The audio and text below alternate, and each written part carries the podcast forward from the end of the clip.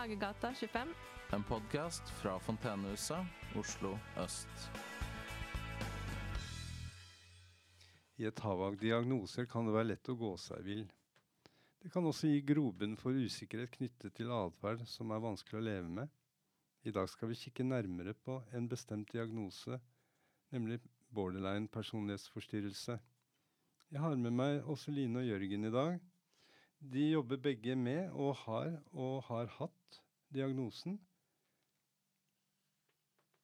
Hei, Jørgen. Hei, Lars.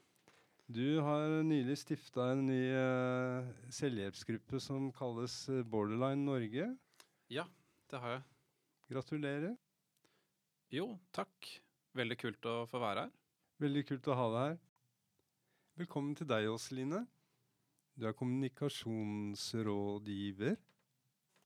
Ja, kommunikasjonsrådgiver. Ja, I, I Nasjonal kompetanse Jeg kan, det er en, det er en munnfull. Det er en munnfull. Jeg er kommunikasjonsrådgiver for Nasjonal kompetansetjeneste for personlighetspsykiatri. Og eh, levd erfaringsstyremedlem i eh, ISSPD, som er International Society for the Study of Personality Disorders. Absolutt. Ja, da er egentlig da har vi et ambisiøst uh, prosjekt her, og nettopp prøve å belyse litt rundt dette fenomenet, Det selve diagnosen borderline uh, personlighetsforstyrrelse. Selv heter jeg Lars, og velkommen til gards. Kan du si litt om uh, selve diagnosen borderline personlighetsforstyrrelse? Det er så mange som egentlig har en formening om uh, borderline uh, er min oppfatning. Men Og kanskje litt av det som er viktig med denne podkasten, er jo akkurat å så litt informasjon og konkret hva egentlig som ligger litt innenfor selve begrepet. Og ja, Åseline? Har, har ja, hva er Bring it on. Bring it on. Ja, For å svare på hva borderline personlighetsforstyrrelse, eller også kjent som emosjonelt ustabil personlighetsforstyrrelse, så må vi nesten begynne med personlighet. Og det handler jo om måten vi vanligvis tenker, føler og handler overfor oss selv, andre og omverdenen. Det er det som da forstås som personligheten vår. Noe vi alle har. Det er det som gjør oss unike. Noen er litt mer sjenerte, andre liker å være kjempesosiale. Og det er på en måte mønstre vi har som følger oss gjennom et livsløp. Og mennesker med personlighetsforstyrrelse de strever da ofte fra ung alder med å forstå, selv, forstå seg selv og sine omgivelser og nære relasjoner. Noe som skaper mye indre smerte og gjør det vanskelig å fungere i hverdagen. Og så kommer vi til emosjonelt ustabil personlighetsforstyrrelse, eller borderline. Det innebærer å preges av uh, intense følelsesmessige svingninger samt ustabilitet i eget selvbilde og relasjonene man har til andre. Og flere kan også streve med impulsivitet som påvirker dem negativt. Så det er en måte kjerneutfordringene da, knyttet til personlighetsforstyrrelse og emosjonelt ustabil personlighetsforstyrrelse. Og så har man jo gjerne noen diagnosekriterier eller symptomer som man kan kjenne seg igjen i. Eh, blant annet man kan være veldig bekymret rundt det å bli forlatt, og nesten gjøre desperate forsøk for å unngå at enten eh, virkelig eller innbilte fare for å bli forlatt uh, skjer. Eller at man har forholdene man har til andre, er kanskje intense og ustabile. Og eh, ditt syn på andre kan f.eks. da raskt svinge mellom å like og beundre de, sånn vel, nesten som dette er bare verdens beste person, til avsky og bare forakt. Altså jeg hater. Sånn elsk-hat-forhold som kan svinge raskt, da. Eh, og det samme gjelder jo selvbildet, kan svinge ganske raskt. Fra å f.eks. føle seg veldig sånn eh, selvsikker og sterk og vet hvor jeg vil i livet, til et enormt selvhat og usikkerhet rundt det. Uh, og selvbildet kan også for mange lett påvirkes av andre. Eh, så er det dette med impulsivitet er det mange som har, på en veldig selvødeleggende måte. At man sløser med penger, har utrygg sex, bruker rusmidler eller overspiser, med mer. Eh, og flere har også ved flere anledninger forsøkt å ta sitt eget liv, eller truet med det. Eh, eller har skadet seg ved flere anledninger. Eh, det er også dette med følelser, som da er intense og svinger raskt. Kan f.eks. være veldig glad og håpefull i et øyeblikk, og øh, veldig trist og nedfor, kanskje til og med suicidal i neste øyeblikk. Mange føler også på en indre tomhet. Eller en kan bli veldig sint, og noen har da store problemer med å kontrollere sinnet sitt. Dette gjelder ikke alle, men noen. Uh, og en kan ha måte, ganske paranoide tanker og en følelse av å føle seg utenfor seg selv i spesielt stressende situasjoner. Og så er det jo verdt å påpeke at det er 256 måter å være borderline på. De symptomene jeg leste opp nå, er liksom knyttet til eh, kriteriene for diagnosen. Og har man fem av disse, ni, så tenker man gjerne at det, det kan være en personlighetsforstyrrelse. Gitt at det også måtte, går utover hvordan du fungerer i hverdagen. Det kan ikke måtte, Det har gjerne startet fra veldig ung alder ofte tenårene for mange. Eller at du kan på en måte ikke eh, skylde på symptomene for at det har noe med eh, andre psykiske lidelser eller rus eller en hjerneskade eller andre ting, da. Så det er eh, litt om det. Og jeg, altså, diagnosen gir jo sånn sett ja, innsikt i hvilke utfordringer du kan ha. Og eh, hva som da er viktig rundt det å kunne få tilpasset behandling. Men det sier ingenting om hvem du er som menneske. Og over en tiårsperiode så vil mange oppleve at symptomene avtar, slik at diagnosen ikke lenger blir oppfylt. Jeg elsker deg til frokost og hater deg til lunsj er noe de fleste kan kjenne seg igjen i, vil jeg tro. Kan du si noe om uh, dynamikken, uh, følelsene som eskalerer uh, fra det såkalt normale til det ekstreme, og kanskje til slutt utgjør et utholdelig kaos av følelser. Og kanskje si litt om muligheter for behandling av dette? Mm. Ja, dette var eh, store spørsmål å svare på en gang. Så vi ser, vi kan begynne hvis vi Du nevner dette at man kan kjenne seg igjen. Og det kan man jo så absolutt. men altså, dette er litt min påstand ut fra erfaring at eh, trekk, altså disse personlighetstrekkene, de kan være de samme over tid, men så er det jo noe med Vi ser i økende grad på personlighetsforstyrrelser ut fra et spekter, altså fra mild til moderat og til alvorlig. Uh, og det er fullt mulig å leve et veldig godt liv med personlighetsforstyrrelse, men for andre kan det i ytterste konsekvens stå mellom liv og død. Og bare sånn da som man ser nå i økende grad på det du kaller personlighetsfungering. Eh, og så kommer på en måte trekk litt i siste i, i, andre rekke, hvor man da ser på det som jeg nevnte innledningsvis, rundt hvordan man fungerer rundt seg selv. Og det være seg da identitet og eh, dette med å kunne følge målsetninger i livet, altså vite hvem du er og hvor, du vil.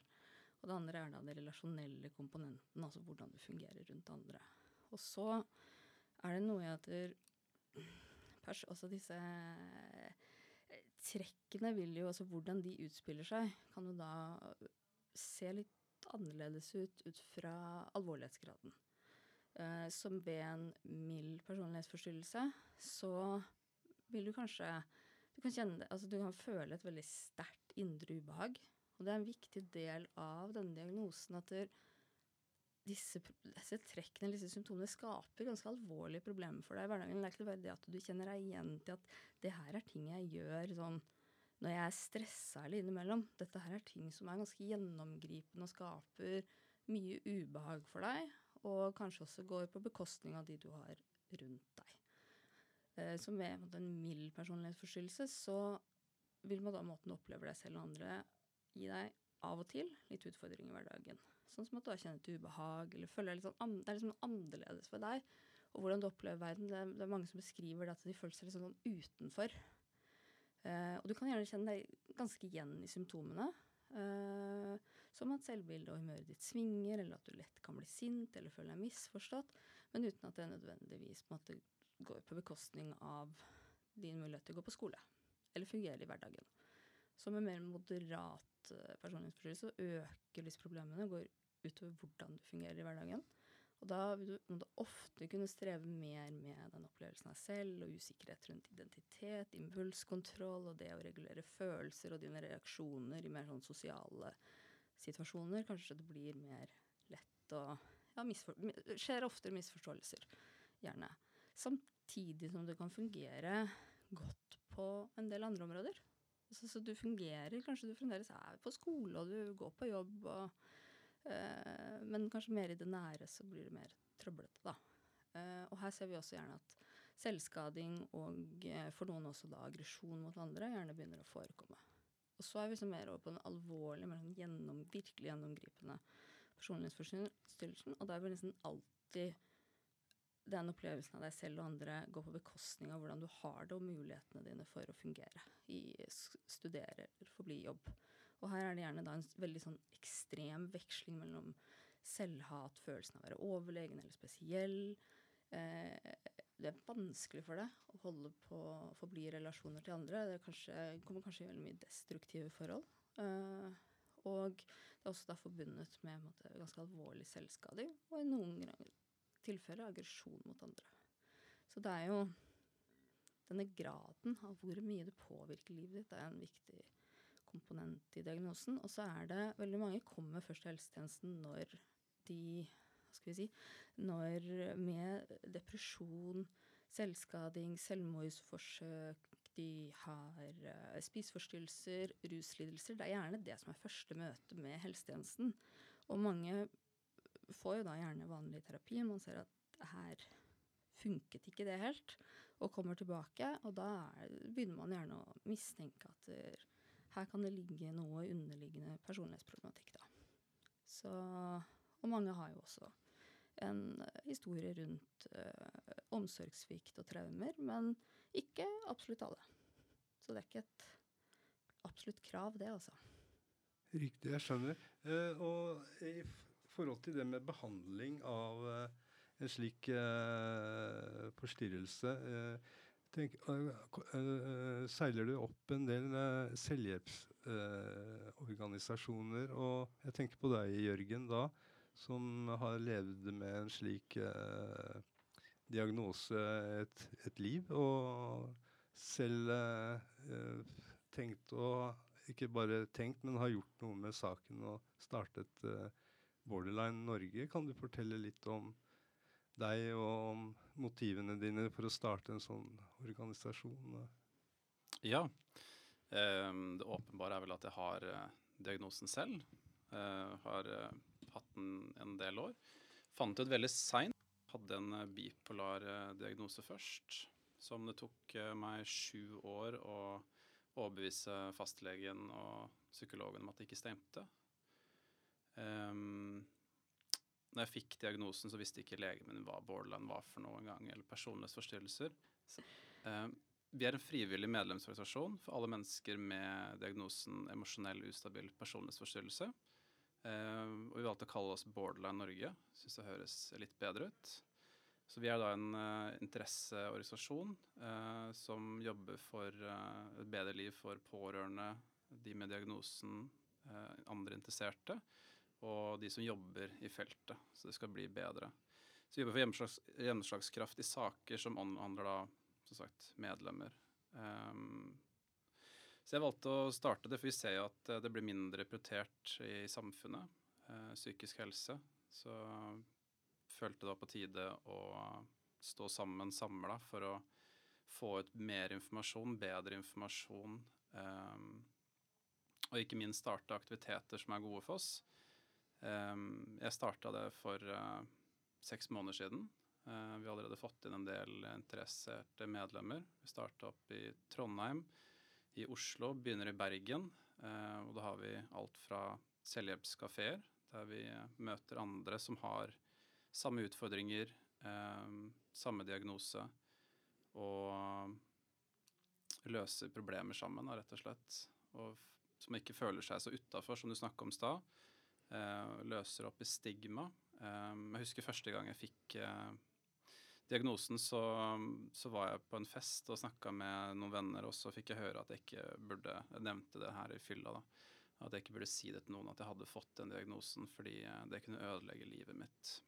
Og det ble også tipsa om en gruppe av en annen person som sa at det er en hemmelig gruppe på Facebook, som er en sånn selvhjelpsgruppe, så du må kjenne noen for å bli med i.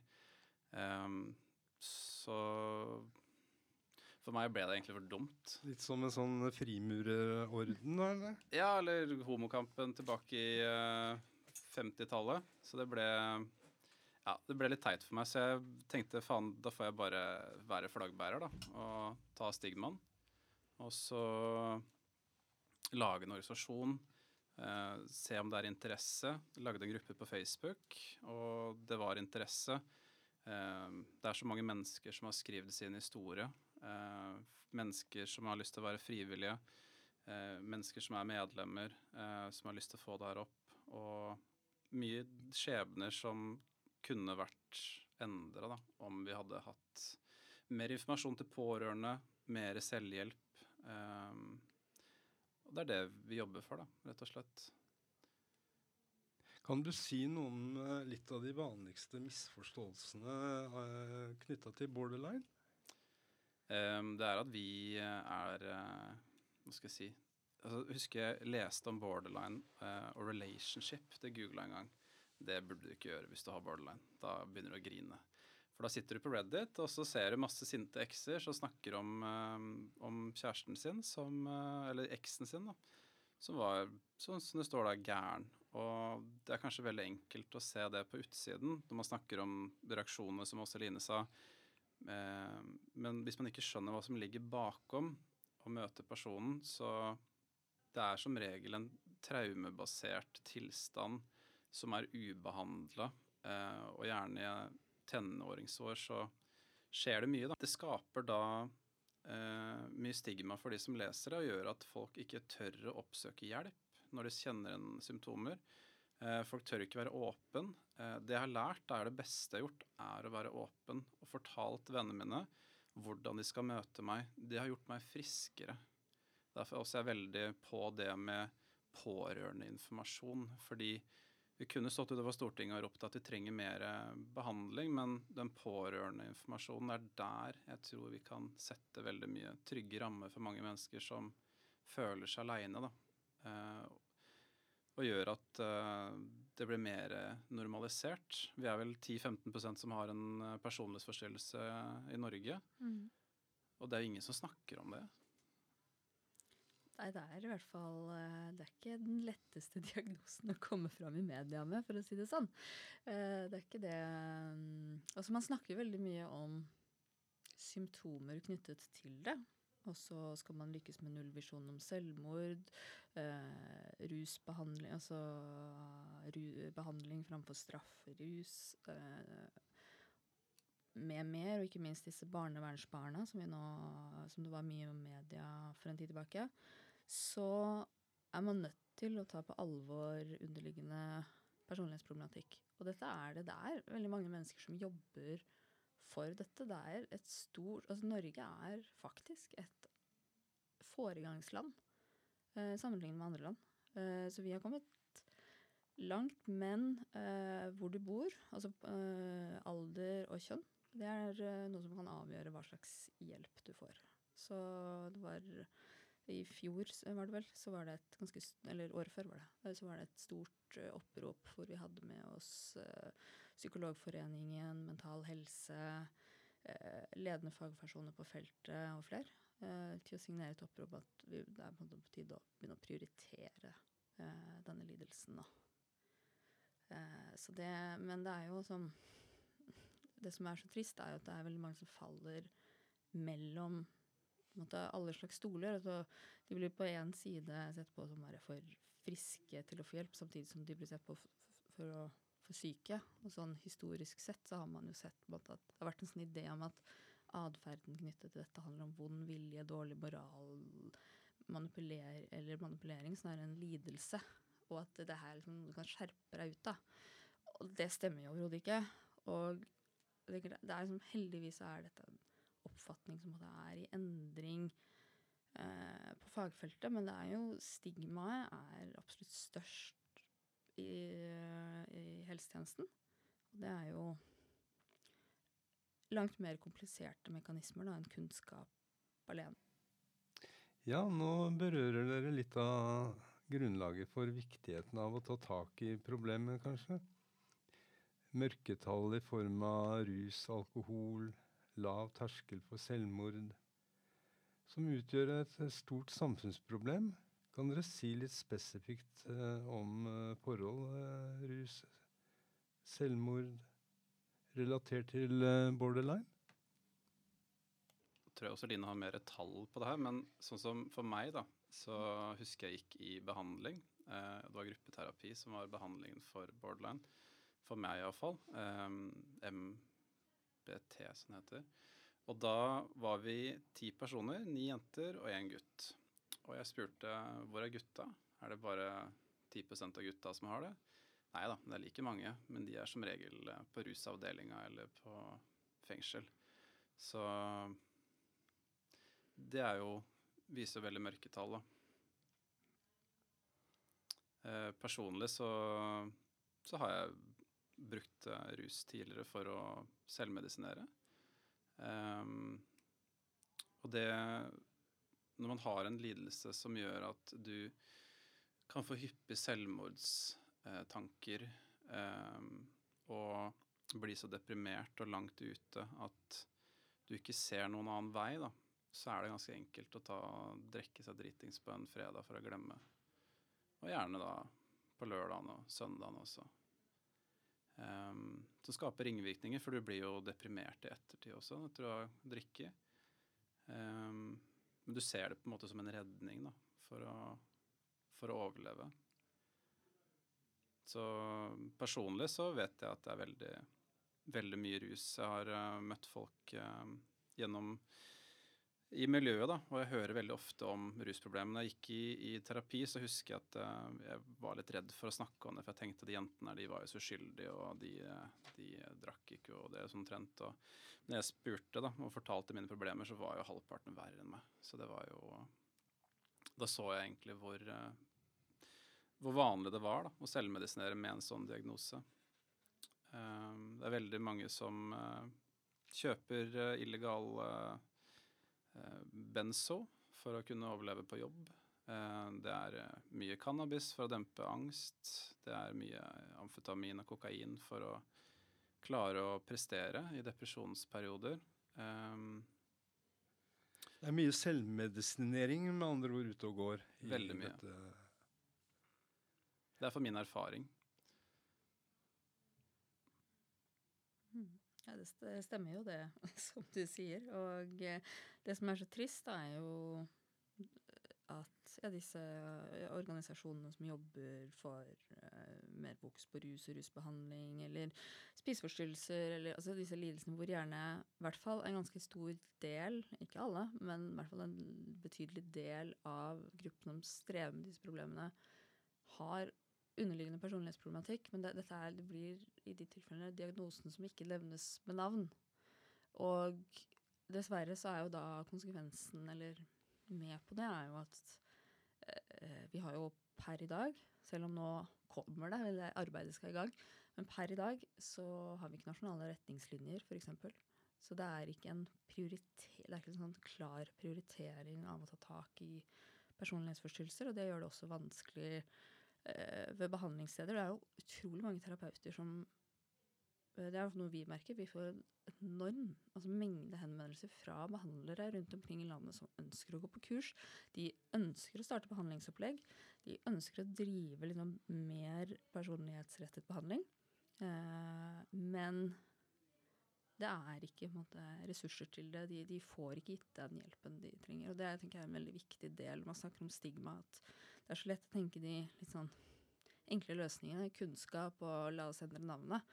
Uh, men dette er jo dyptgående for uh, uh, På et strukturelt nivå, dette stigmaet, som ja kan skape ganske mange uheldige interaksjoner, da. Hvor kanskje begge parter, altså både pasient og terapeut virkelig er ute etter det beste, men uh, manglende kapasitet eller manglende veiledning og støtte. Uh, og ikke minst det å sitte der med Du sitter der med en, pasient, med en uh, pasient, og du kanskje du ønsker virkelig å gjøre mer. Du ønsker å egentlig se dem hver uke, men du får ikke. Fordi det er jo steder hvor man kun får se liksom, terapeuten sin hver tredje uke. og det tenker jeg, da, dette er mer min personlige mening, det tror jeg er, uh, gjør det vanskelig også å være terapeut i dette landskapet. Og det er noe som Jeg holder på med en uh, masteroppgave hvor jeg undersøkte implementering av mentaliseringsbasert terapi på ungdomsfeltet. Og det er jo en av de tingene de beskriver, hvor viktig det har vært for dem å ha noe å lene seg til, et team og en metode. Uh, i å hjelpe dem å faktisk håndtere arbeidet sitt. Da. Og selvmordstallene tatt i betraktning, så ligger det jo som en naturlig konsekvens å fokusere, vel, og prøve å sy bevissthet rundt uh, diagnosen. Det må jo være av stor jo være av en stor verdi for fagmiljøet og samfunnet. Ja, det triste er jo at myndighetene ikke prioriterer det. Det er jo der måte, virkelig skoen trykker. At det er ikke en prioritering, det er ikke nasjonale retningslinjer. Og samtidig altså, ta disse nettverkene for selvskading, og hvor det også er, det har vært mye selvmord. Der også snakker man om problematikken, men nevner ikke at her er det veldig mange med underliggende personlighetsproblematikk som, hvor det burde tatt, vært tatt tak i. Og frykten, altså dette stigmaet, gjør jo også at mange behandlere kan vegre seg for å sette diagnosen, og spesielt på ungdomsfeltet. Fordi man er, frykter det stigmaet som pasientene kan utsettes for. Og det er dessverre også altså Tanken er god, men det er å forsterke stigmaet til syvende og sist. Det gjør det ikke noe bedre, men det er forståelig på sett og vis at de gjør det. Særlig i områder der det ikke finnes behandling. Altså, å bo her i Oslo, da har du egentlig vunnet gulloddet. Altså egentlig. Selv om det er veldig mange her også som ikke får den hjelpa de trenger. Så og det er ja. Jeg får melding av eh, folk uh, ute i distriktene som uh, snakker om uh, ekstremt lite kompetanse, og at det er veldig lite behandling. Da.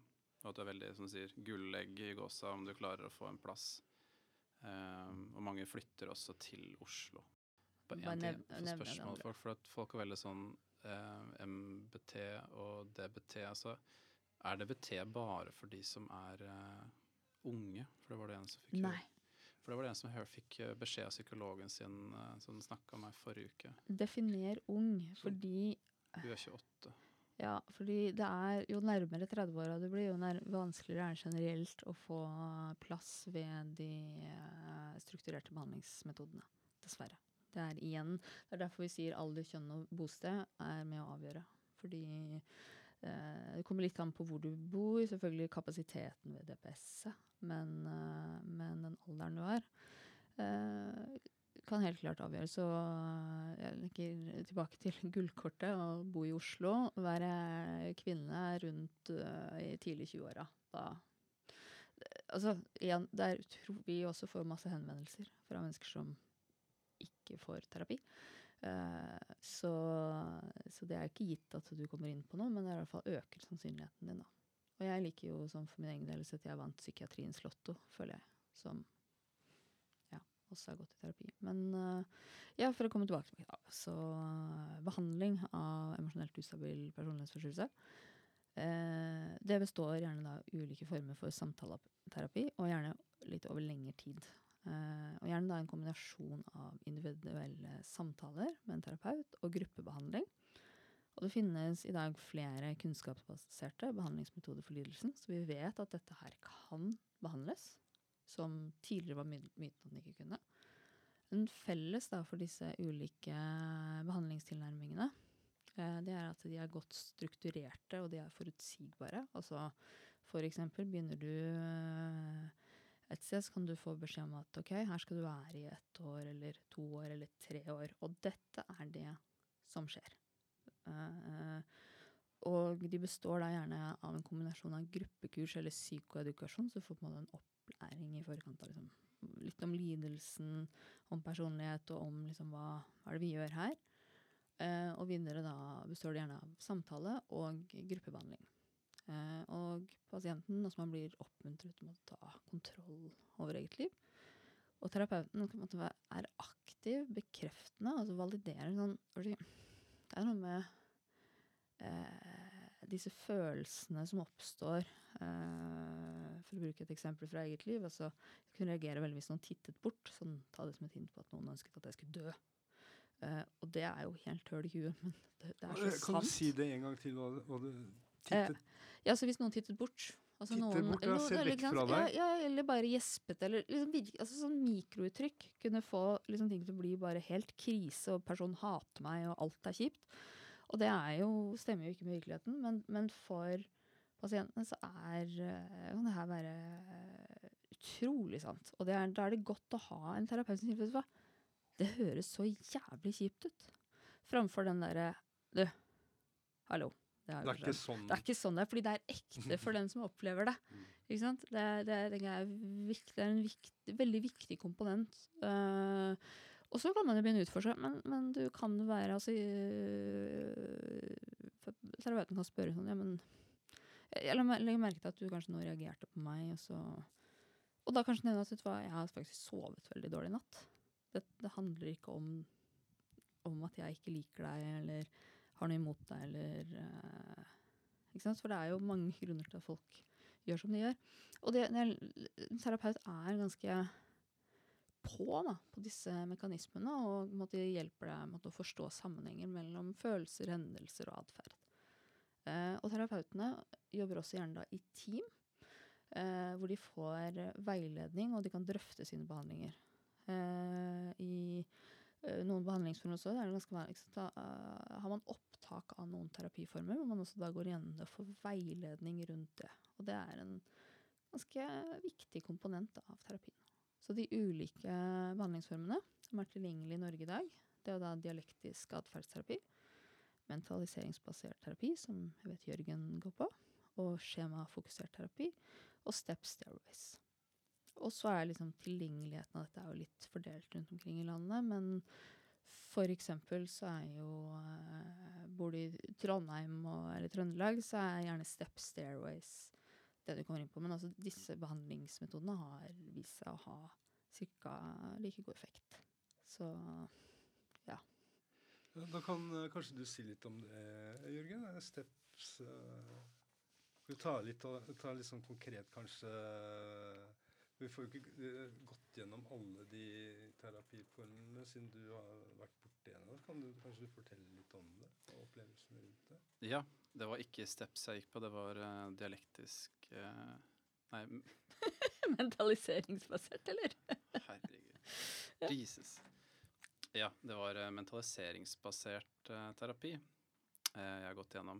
Jeg kan fortelle litt. Det, det er gruppetimer. Da sitter man ti stykker i en gruppe. Og så er det to behandlere. Og så er det et kamera i rommet og en mikrofon. Og mikrofon og kamera er fordi at det skal tas opp og analysere av nøytrale parter etterpå. Så i terapien, så, eller i gruppeterapien, så tar vi rett og slett opp temaer som vi har lyst til å snakke om, som er, eh, vi opplever som ubehagelige. Da. Som eksempel at uh, vi kanskje tror at vennene våre hater oss, eller kjærestene skal gå fra oss, eller uh, ja, mye ting som kan skje. da. Uh, eller at det er helt jævlig på jobb, eller at man føler man vil dø for tiden, eller at man sliter med rus. Um, og når man tar opp disse tingene, så er det da en psykolog som stiller spørsmål til opplevelsen din av det som skjer, og får deg da til å se for, eller tenke litt annerledes, da, ut fra din egen boks og kanskje inn i andres hode. Eksempel det med Jeg hadde en episode med en venninne som jeg eh, følte eh, hata meg en periode. Og jeg hadde spurt flere ganger å finne på noe, og fikk veldig sånn dårlig svar. og det var en sånn måned der jeg rett og slett sleit litt i hverdagen. Jeg ble veldig deprimert av det. Og så var det en i gruppeterapien som sa at eh, men har du spurt hva som er greia. Så sa jeg nei, men det kan jeg jo ikke. Da er jeg jo ikke så gæren. Kan ikke gjøre det.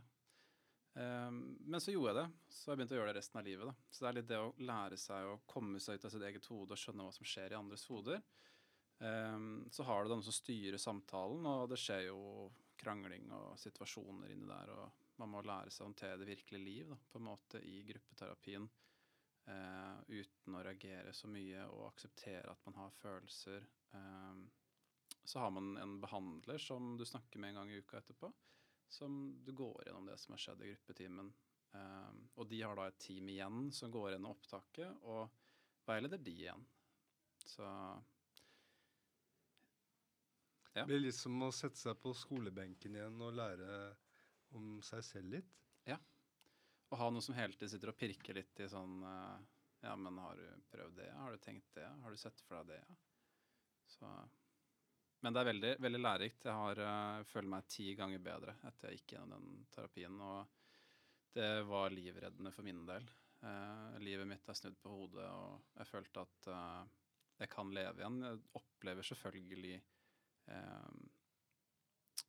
sterke følelser, og en følelse f.eks. av å bli forlatt da, kan være veldig sterk for meg mange ganger. Spesielt på kvelden når jeg kommer hjem. Men jeg har fått nye verktøy da, som har gjort at det ikke er så vanskelig Eh, og jeg begynner heller å se for meg hvem jeg har i livet, og begynte å meditere og skaffe meg riktig verktøy da, for å håndtere disse følelsene.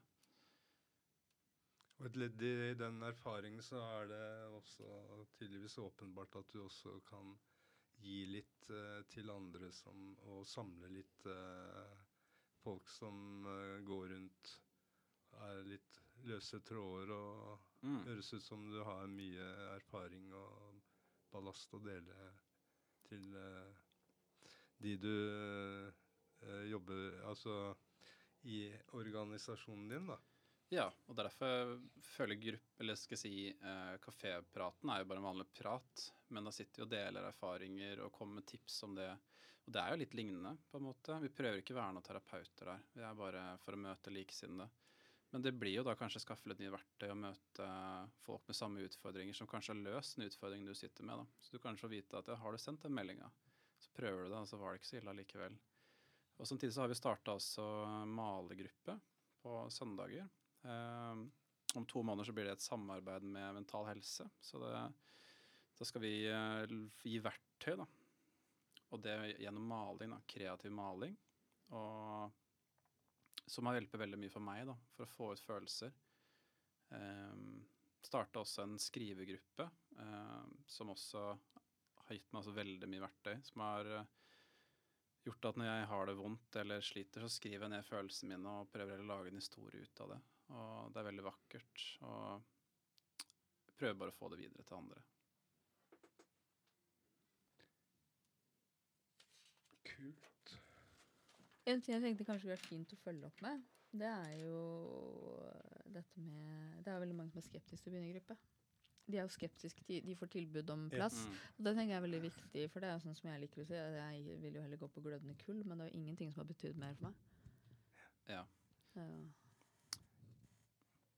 Jeg opplever at det er mange som eh, er eh, skeptiske da, til å begynne gruppeterapi, eller i det hele tatt. Og jeg var faktisk det selv før jeg begynte. Um, for jeg var sånn Ja, men jeg trenger behandling, ikke sammen med mange andre. Altså, jeg er jo suicidal, og jeg har jo problemer. Um, men det tok en måneds tid, så skjønte jeg at ja, her har jeg mye å lære. Det er vel kanskje litt av normaliseringen, uh, altså det uh, viktigheten av å normalisere litt. Så for, for en av de sy eh, symptomene, forstår jeg, er sånn voldsom eh, følelse av eh, storhet og å være veldig spesiell. Og da hva skal jeg si utlevere seg selv som noe man da kanskje ikke syns er veldig sånn er, Har det vært en utfordring? Og, og jeg følte meg veldig som et alien i starten når jeg fikk det.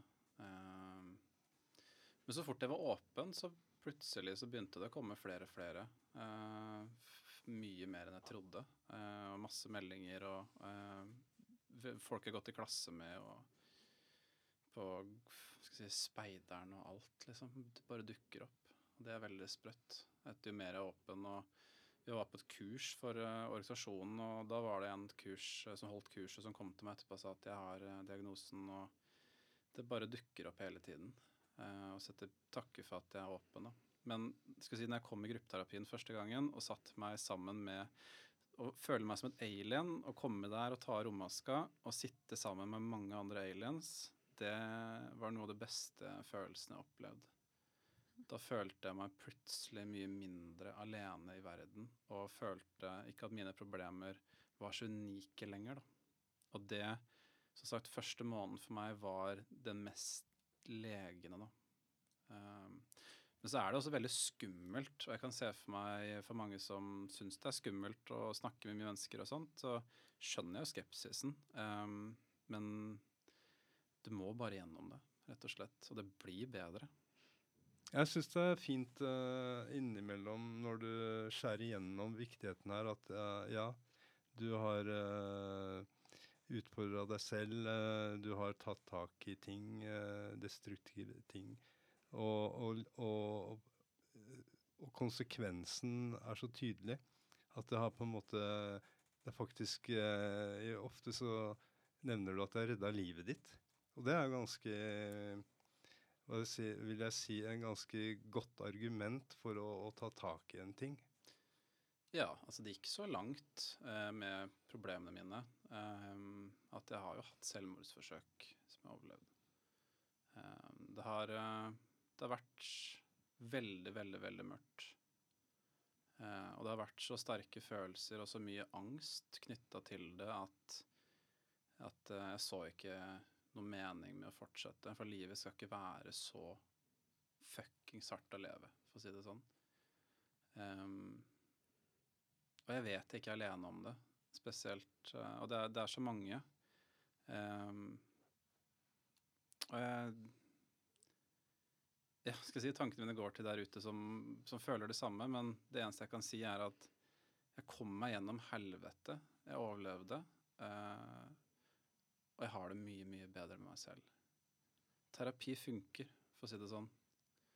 Og det er ikke bare å gå i timen, så skal du bli friskere. For jeg var folk som var der i to år og ikke ble friskere. Men um, det er viktig for meg, det var det viktigste, var å trene for å det vitenskapelige som funker bak det. Eh, meditasjon for å roe ned nervesystemet. Eh, og begynne å spille piano. Det var også veldig reddende. Um, slutte å drikke.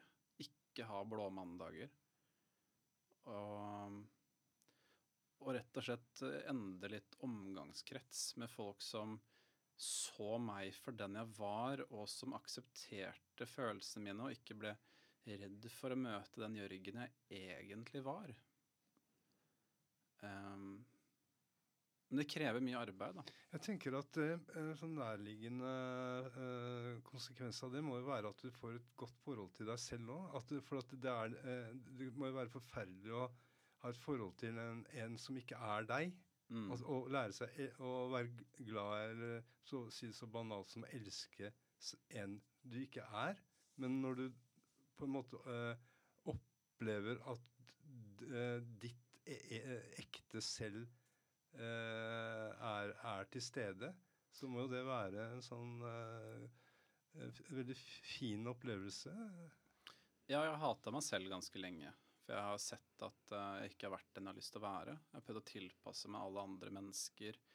Jeg har gjort ting for aksept fordi jeg ikke har følt meg bra nok. Jeg har ikke stått opp for meg selv, og jeg har ikke tatt vare på meg selv.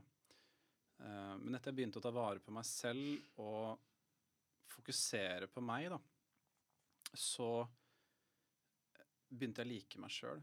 Jeg begynte å investere i meg selv. Og det er litt tilbake til det Jeg føler sjelen min er uh, Hva skal jeg si? Jeg, jeg føler jeg liksom nesten gjennom en ny pubertet. Litt sånn prøve å finne meg sjæl på nytt. da. Men ikke sånn at jeg Hvem er jeg? Det store spørsmålet er sånn mer at jeg er noe forskjellig hele tiden. Det er ikke alltid jeg har lyst til å spille piano, det er ikke alltid jeg har lyst til å reise. Det er ikke alltid Jeg har lyst til å gjøre noe hele tiden som er uh, det jeg liker å gjøre, da. Så jeg mener det er aldri dette er Jørgen. Det er ikke, Jørgen er ikke en bussjåfør, Jørgen er ikke en selger, Jørgen er ikke en elektriker. Um, det er den jeg har lyst til å være da, i dag. Og, og det å akseptere meg selv da, um, med alle de feilene jeg har, på mitt svakeste, og spørre om hjelp, det er det tøffeste jeg har gjort. Og det har gjort at um, ja, når man begynner å ta valg for seg selv, og så blir man en annen person.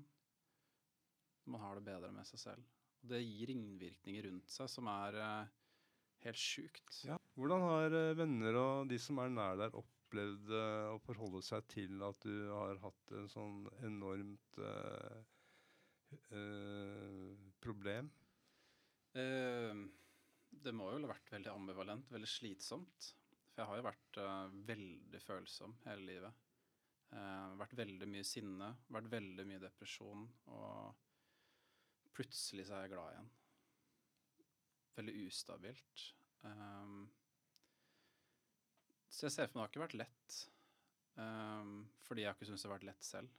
Å bare være meg selv. Um, Så jeg tror at Jeg vet ikke hva jeg skal si. Jeg skal være helt ærlig. Nei, det er, det, er, det ikke mye sånn ustabilitet knytta til å være en sånn person? At, du, at, folk kanskje blir sånn der ja, men Det blir litt som han der ulv-ulv. At uh, du bare Ja ja, ikke sant? At du blir på en mm. måte bare sånn Ja ja. Men folk egentlig Jo, altså øh, og, og, og, så tenker jeg på at etter at du har på en måte tatt tak i deg selv, fått hjelp til å forstå at Eh, det som jeg ofte hørte, var at jeg var veldig dramatisk. Og folk ba meg bare roe seg ned. Det går ikke. Da er det som å kaste flammer på bålet.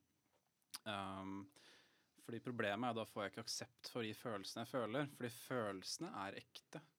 Og det er det som folk sliter med, og derfor jeg føler det er så viktig å få ut informasjon. Fordi den borderline sinnet og de sterke følelsene, emosjonene, er ekte følelser. Det er ikke dramatikk. Det er ikke noe som kan skrus ned. Og det har vært å møte det på en riktig måte. Det har ikke folk rundt meg hatt. Og jeg har ikke visst det selv heller, hvordan jeg skal få folk til å forstå. Og Det er derfor det var så unikt å møte folk som har samme situasjon, og kunne si 'jeg skjønner deg'. For det har jeg aldri hørt før.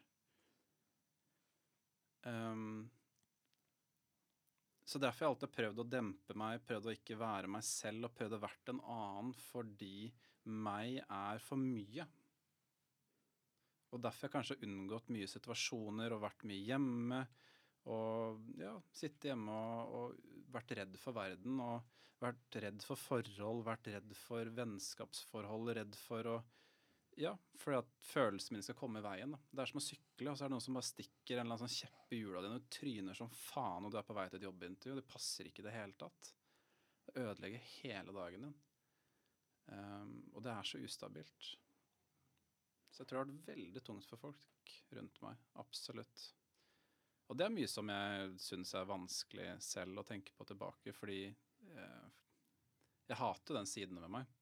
Men jeg hadde aldri vært den jeg er i dag hvis det ikke hadde gått gjennom det jeg har gått gjennom heller. Så jeg kunne ikke hjulpet folk på den måten den hvis jeg ikke hadde hatt den erfaringen jeg har. Um, og det er en grunn til at dette her er noe som jeg følte at jeg kan jobbe med og hjelpe andre med, er fordi at jeg vet åssen det er sjøl. Og jeg vet hvor vanskelig det er å sitte i en situasjon med familie som ikke skjønner, for venner som ikke skjønner, kjæreste som ikke skjønner, og du skjønner deg ikke sjøl engang, da. Ja, det er Bare nevne um, Dette er jo veldig forvirrende både for den som har det, men også de rundt. Uh, og det er, sant, det er, så viktig å lære om lidelsen og hva er det som foregår. så gjør det kanskje, Da blir det ikke like forvirrende lenger. Uh, og jeg Uh, I den subkomiteen jeg er i, da, i ISSPD, så er, det, er, jeg sammen med noen som har startet sånne pårørendeorganisasjoner i utlandet. Og det var ei som fortalte der, jeg syns det var så sterkt. Hun sa alt endret seg når jeg på en måte forsto mer, men også når jeg begynte å måte, validere følelsene. Da endret dynamikken seg mellom henne og, og datteren. Og det hadde vært veldig, Hun beskrev det som veldig sterkt da, som pårørende. Og liksom se den effekten det hadde. Men også det å eh, Som de har, da, at de også finner støtte sammen. For det er jo tøft å være pårørende, og i, som, i de mer alvorlige tilfellene så har du kanskje et barn som eh, En barn eller en ungdom eller en ung voksen, eller, eller voksen for den saks skyld, eh, som aktivt, regelmessig, kanskje flere ganger i uken, blir hentet av ambulanse og forsøker å ta sitt eget liv. Og det er jo utrolig krevende å stå i. Så det er eh, eh, Ja. Så, så, det er en eh, Det å forstå, forstå, hverandre, da. Det er en voldsom prosess, for uh, de pårørende uh, uh, adapterer jo et følelses... utvikler et følelsesregister som på en måte også må omstruktureres i forhold til et, en person da, som får et mer normalisert liv. Mm. Faren min, husker jeg, han Det tok han flere år etter jeg, jeg var jo skrevet ut etter tre års terapi og møtte ikke lenger diagnosekriteriene. Det tok han flere år før han ikke mer eller mindre fikk panikk når jeg ikke tok telefonen. Det tok ikke lang tid før han var frista til å ringe politiet. Jeg tror til og med han gjorde det en gang etter jeg på en måte hadde bedre, blitt bedre, mye bedre. Men, men det tror jeg satt veldig veldig hardt i han. og Han, han trengte tid. Også jeg trengte terapi, han trengte tid. og Det er et veldig fint tilbud jeg vet som er her i Oslo.